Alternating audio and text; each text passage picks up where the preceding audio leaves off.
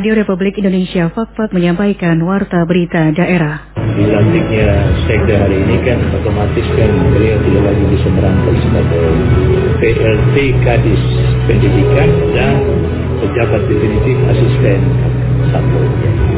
Tentara OSIS adalah tentara yang disarankan oleh pemerintah daerah yaitu dengan menggunakan dana OSIS atau otonomi khusus.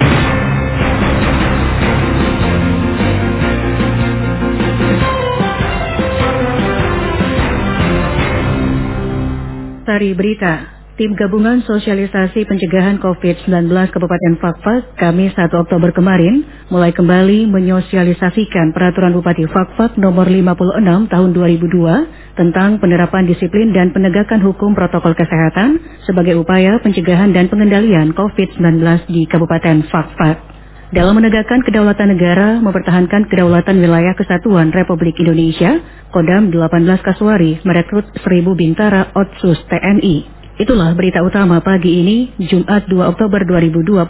Selengkapnya bersama saya, Siti Nur Aisyah.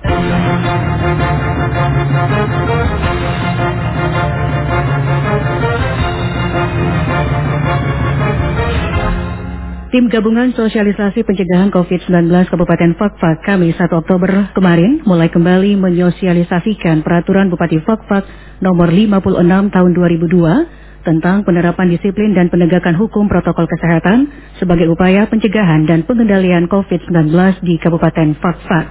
Koordinator 2 Tim Sosialisasi, Arifin Man Arfa menyampaikan, sosialisasi difokuskan memberikan pemahaman atas peraturan Bupati Fakfak nomor 56 tahun 2020 yang mengatur sanksi bagi pelanggar protokol kesehatan.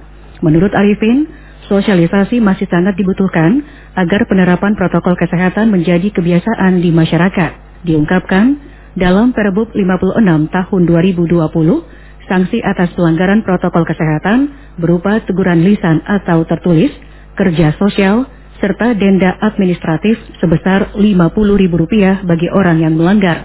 Sedangkan bagi pengelola, penyelenggara atau penanggung jawab tempat dan fasilitas umum yang kedapatan tidak melaksanakan protokol kesehatan didenda administratif sebesar Rp150.000. Meski sosialisasi protokol kesehatan telah berlangsung sekitar tujuh bulan, namun nyatanya masih banyak ditemukan masyarakat yang tidak patuh terhadap protokol kesehatan, utamanya tidak mengenakan masker saat beraktivitas di luar rumah.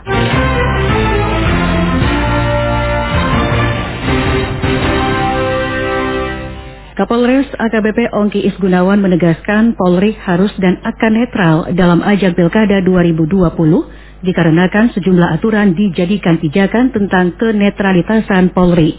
Berikut laporannya. Pemilihan umum merupakan pilar demokrasi yang secara hukum dan politis merupakan keniscayaan dalam negara modern. Namun dalam penerapannya, tidak semua unsur warga negara dapat menggunakan hak politiknya seperti halnya personil Polri. Kapolres AKBP Ongki Isgunawan di hadapan personilnya mengatakan, sebagai anggota Polri harus menjaga netralitas karena Polri tidak berpihak kepada calon yang mengikuti pilkada. Dijelaskan, hal tersebut telah mendapat perhatian serius oleh Kapolri yang menegaskan akan menindak tegas oknum anggota yang terlibat dalam politik dan akan diproses disiplin maupun kode etik. Menurut Kapolres, Polri diberikan peran, tugas, serta kewajiban sebagai unsur anggota pengawas, pengamanan, dan pelaksana pemilu-pemilu kada. Kita langsung dari Bapak Kapolri, kita sebagai anggota Polri harus netral. Tidak ada lagi saya lihat atau saya dengar, atau mungkin di media sosial dan lain sebagainya, rekan-rekan yang memihak kepada salah satu pasangan calon. Simpan itu dalam hati. Tidak ada diucapkan melalui mulut rekan-rekan ataupun melalui jari rekan-rekan dengan mengetik di sana sini. Ancaman dari Bapak Kapolri langsung sempat ada yang tidak netral di dalam pelaksanaan pemilu kada ini akan diproses baik disiplin maupun kode etik. Sikap netral anggota Polri ini sesuai dengan dasar hukum netralitas di antaranya TAP MPR RI nomor Romawi 7 garis miring MPR garis miring 2000 tentang peran TNI Polri dan Undang-Undang nomor 2 tahun 2002 tentang Kepolisian Negara Republik Indonesia.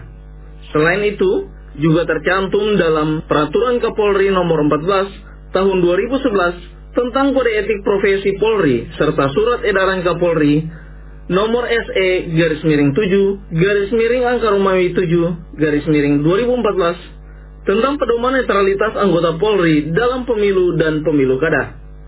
Oleh sebab itu, Kapolres mengharapkan agar personil Polres Fakfak dapat mempedomani dengan baik setiap aturan yang telah diturunkan. Budi Residi melaporkan.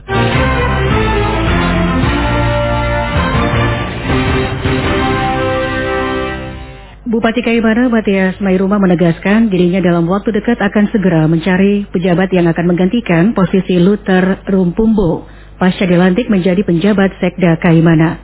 Laporan Wilhelmus Nurat. Setelah mencopot Luther Rumpumbo dari jabatan sebelumnya, yakni asisten satu Sekda Kaimana yang juga merangkap sebagai PLT Kepala Dinas Pendidikan dan telah dilantik menjadi penjabat sekretaris daerah Kabupaten Kaimana, maka dalam waktu dekat Bupati Kaimana akan mencari pejabat yang bisa ditempatkan untuk mengisi dua kekosongan jabatan tersebut.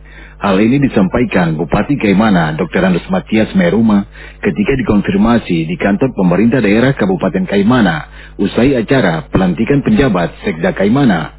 Menurutnya, penempatan pejabat pengganti Luther Rumpombo di dua jabatan dimaksud harus dilakukan agar roda organisasi pemerintahan bisa berjalan secara optimal. Dengan ditetapkannya dilantiknya sekda hari ini kan otomatis kan beliau tidak lagi bisa merangkap sebagai PLT Kadis Pendidikan dan pejabat definitif asisten satu. Karena regulasi juga saya tidak bisa melantik ya sebagai pejabat definitif untuk jabatan tapi dibolehkan karena ini organisasi pemerintah daerah yang harus oleh regulasi dibolehkan saya menetapkan sesuatu mudah-mudahan PLT ini kan tidak wajib untuk dilantik ya. Mudah-mudahan besok saya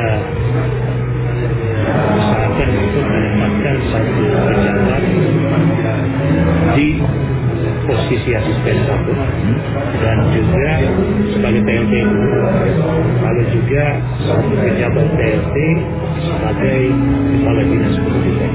Dirinya juga menambahkan bahwa dalam waktu dekat sejumlah jabatan yang sampai saat ini masih berstatus PLT akan segera didefinitifkan Status PLT ini lanjut diharapkan ketika SK penetapan pansel untuk seleksi jabatan dari pusat sudah disampaikan kepada pemerintah daerah, maka pansel akan mulai bekerja untuk mendefinitifkan PLT di sejumlah jabatan tersebut. Anda masih menyimak Warta Berita Daerah, Produksi Radio Republik Indonesia, Fak-Fak.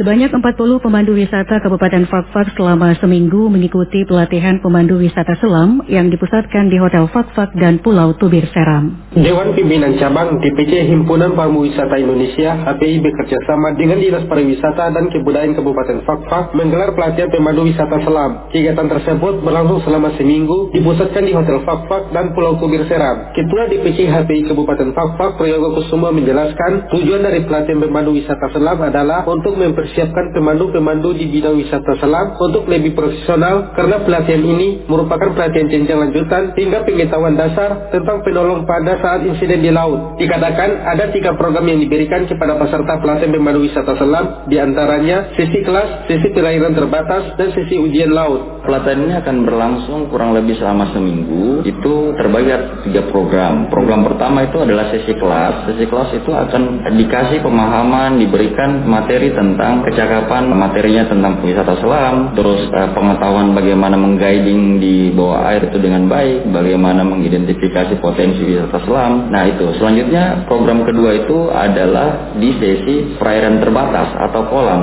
Nah di sini kita akan mengevaluasi dari pertemuan pertama itu bagaimana mereka mempraktikkan cara memandu di lapangan, mulai dari setting alatnya, memberikan informasi tentang satu spot wisata selam. Di program terakhir itu adalah sesi perairan laut dalam. Di sini kita sudah seperti ujian halnya, jadi peserta sudah mengambil posisi sebagai seorang pemandu yang profesional. Jadi kami e, bertindak sebagai wisatawan, bagaimana mereka memberikan pengarahan kepada kami. Ya di situlah adalah ada momen di mana mereka eksamnya atau ujiannya itu untuk e, kelayakan sebagai seorang pemandu wisata selam. Sementara jumlah peserta yang mengikuti pelatihan pemandu wisata selam sebanyak 40 peserta yang pada sebelumnya telah mengikuti pelatihan dasar. Selain mendapatkan materi, para peserta juga diberikan kesempatan kesempatan untuk melakukan uji coba selam di perairan Fakfak. Ini adalah satu keseluruhan yang tidak terlepas dari aplikasi di lapangan. Setelah materi, minggu pertama, selanjutnya ada lagi sesi kolamnya atau sesi perairan dangkalnya, terus ada sesi laut dalamnya. Ini semua menjadi tolak ukur apabila ada kunjungan uh, wisatawan selam itu mereka sudah tidak uh, kaku lagi apa yang harus mereka lakukan. Semua sudah dipersiapkan matang. Jadi walaupun ini masalah kebiasaan pelan-pelan kita juga dari HP juga akan selalu mendampingi hal-hal yang bersifat prinsip sekali secara teknis. Itu kita akan selalu uh, mendampingi kapan pun di mana pun. Peralatan kami di Fafak sendiri uh, memang belum memadai dari sisi peralatan. Hanya ada beberapa set yang ada di sini. Makanya kami tetap uh, meminta support dari luar Fakfak yang terdekat seperti Kaimanan dan Sorong. Nah ini kita satukan untuk bagaimana bisa memfasilitasi kita punya masyarakat yang ikut pelatihan di sini. Ia juga berharap peserta yang mengikuti pelatihan pemandu wisata selam nantinya memiliki sertifikat dalam melakukan penyelaman di berbagai tempat wisata di daerah ini. Selain itu, pemandu wisata selam nantinya akan bertanggung jawab dan wajib untuk mengeksplorasi, menjaga, serta sekaligus mempromosikan tentang objek wisata bahari, khususnya potensi wisata selam di tempat masing-masing peserta, mulai dari wilayah Karas hingga wilayah Kokas. Januardi melaporkan.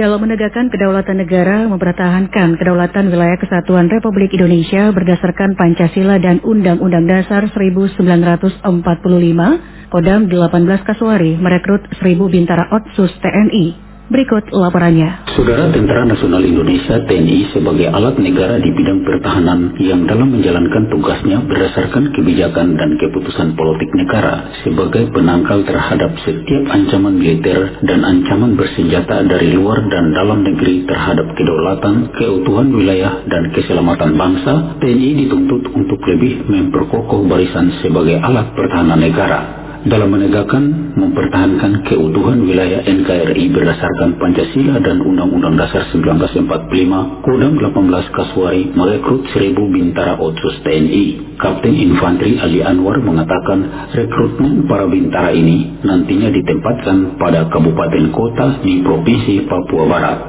Bintara Otsus adalah bintara yang disarankan oleh pemerintah daerah yaitu dengan menggunakan dana Otsus atau otonomi khusus sehingga itu merupakan suatu kesempatan bagi pemuda dan pemudi Kabupaten Papua pada khususnya umumnya wilayah Provinsi Papua Barat. Dengan adanya kesempatan yang diberikan oleh pemerintah daerah sehingga kita berharap supaya khususnya pemuda-pemudi ini memanfaatkan kesempatan yang sudah diberikan. Untuk yang diterima sesuai dengan program dari komando atas yaitu sejumlah seribu orang prajurit. Rencana nanti 980 itu bintara pria dan 20 bintara wanita. Seribu itu seluruh provinsi Papua Barat. Yaitu ada 12 terbagi semuanya sesuai dengan animo atau pendaftar masing-masing. Dijelaskan TNI sebagai alat pertahanan dalam melaksanakan fungsinya Tentara Nasional Indonesia merupakan komponen utama sistem pertahanan negara sebagaimana tugas yang diemban yaitu operasi militer militer untuk perang dan operasi militer selain perang, seperti mengatasi gerakan separatis bersenjata, aksi terorisme, mengamankan wilayah perbatasan serta mengamankan objek vital nasional yang bersifat strategis. Menurut Ali Anwar, dengan adanya seleksi bintara Otsus tersebut tentunya membuka peluang bagi generasi muda daerah ini untuk menjadi anggota TNI. Lamarumu melaporkan. Sekian Warta Berita Daerah, Produksi Radio Republik Indonesia, Fakfak. -Fak.